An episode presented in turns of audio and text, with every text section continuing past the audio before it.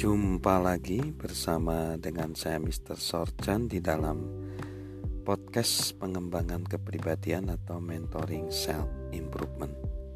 Kita masih dalam konteks bagaimana menanggapi masalah dengan benar. Yang selanjutnya adalah tentukanlah tiga cara terbaik untuk menyelesaikan masalah. Tentukanlah tiga cara terbaik untuk menyelesaikan masalah. Ada cerita lucu seperti ini. Seorang wanita tua dituduh membunuh suami ketiganya. Seorang pengacara bertanya, "Apa yang terjadi dengan suami pertama Anda?" Ia meninggal karena keracunan jamur, kata wanita itu. Bagaimana dengan suami kedua? Ia juga meninggal karena keracunan jamur, jawabnya. Kalau begitu, pengacara tersebut melanjutkan, "Bagaimana dengan suami ketiga? Ia mati karena geger otak." "Bagaimana itu bisa terjadi?" jawab si pengacara. "Ia tidak mau makan jamur." Para pemikir yang baik selalu memilih lebih dari satu cara untuk menyelesaikan masalah. Saya percaya orang membuat kesalahan jika mereka mengira bahwa hanya ada satu penyelesaian masalah apa pun. Jika kita menggunakan tiga penyelesaian terbaik bagi masalah apa pun, kita memberikan pilihan-pilihan kepada diri kita sendiri dan rencana cadangan jika penyelesaian pertama gagal.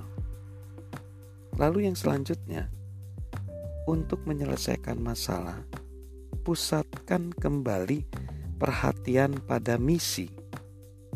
Ralph Waldo Emerson berkata, konsentrasi adalah rahasia kekuatan dalam politik, dalam perang, dalam perdagangan, dan singkatnya dalam semua manajemen urusan manusia.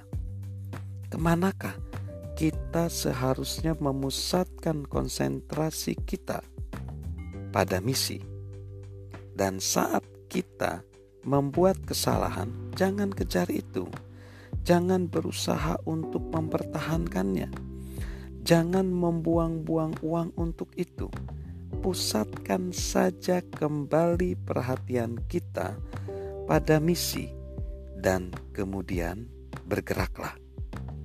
Kita harus selalu memperhatikan apa yang sebenarnya kita ingin lakukan.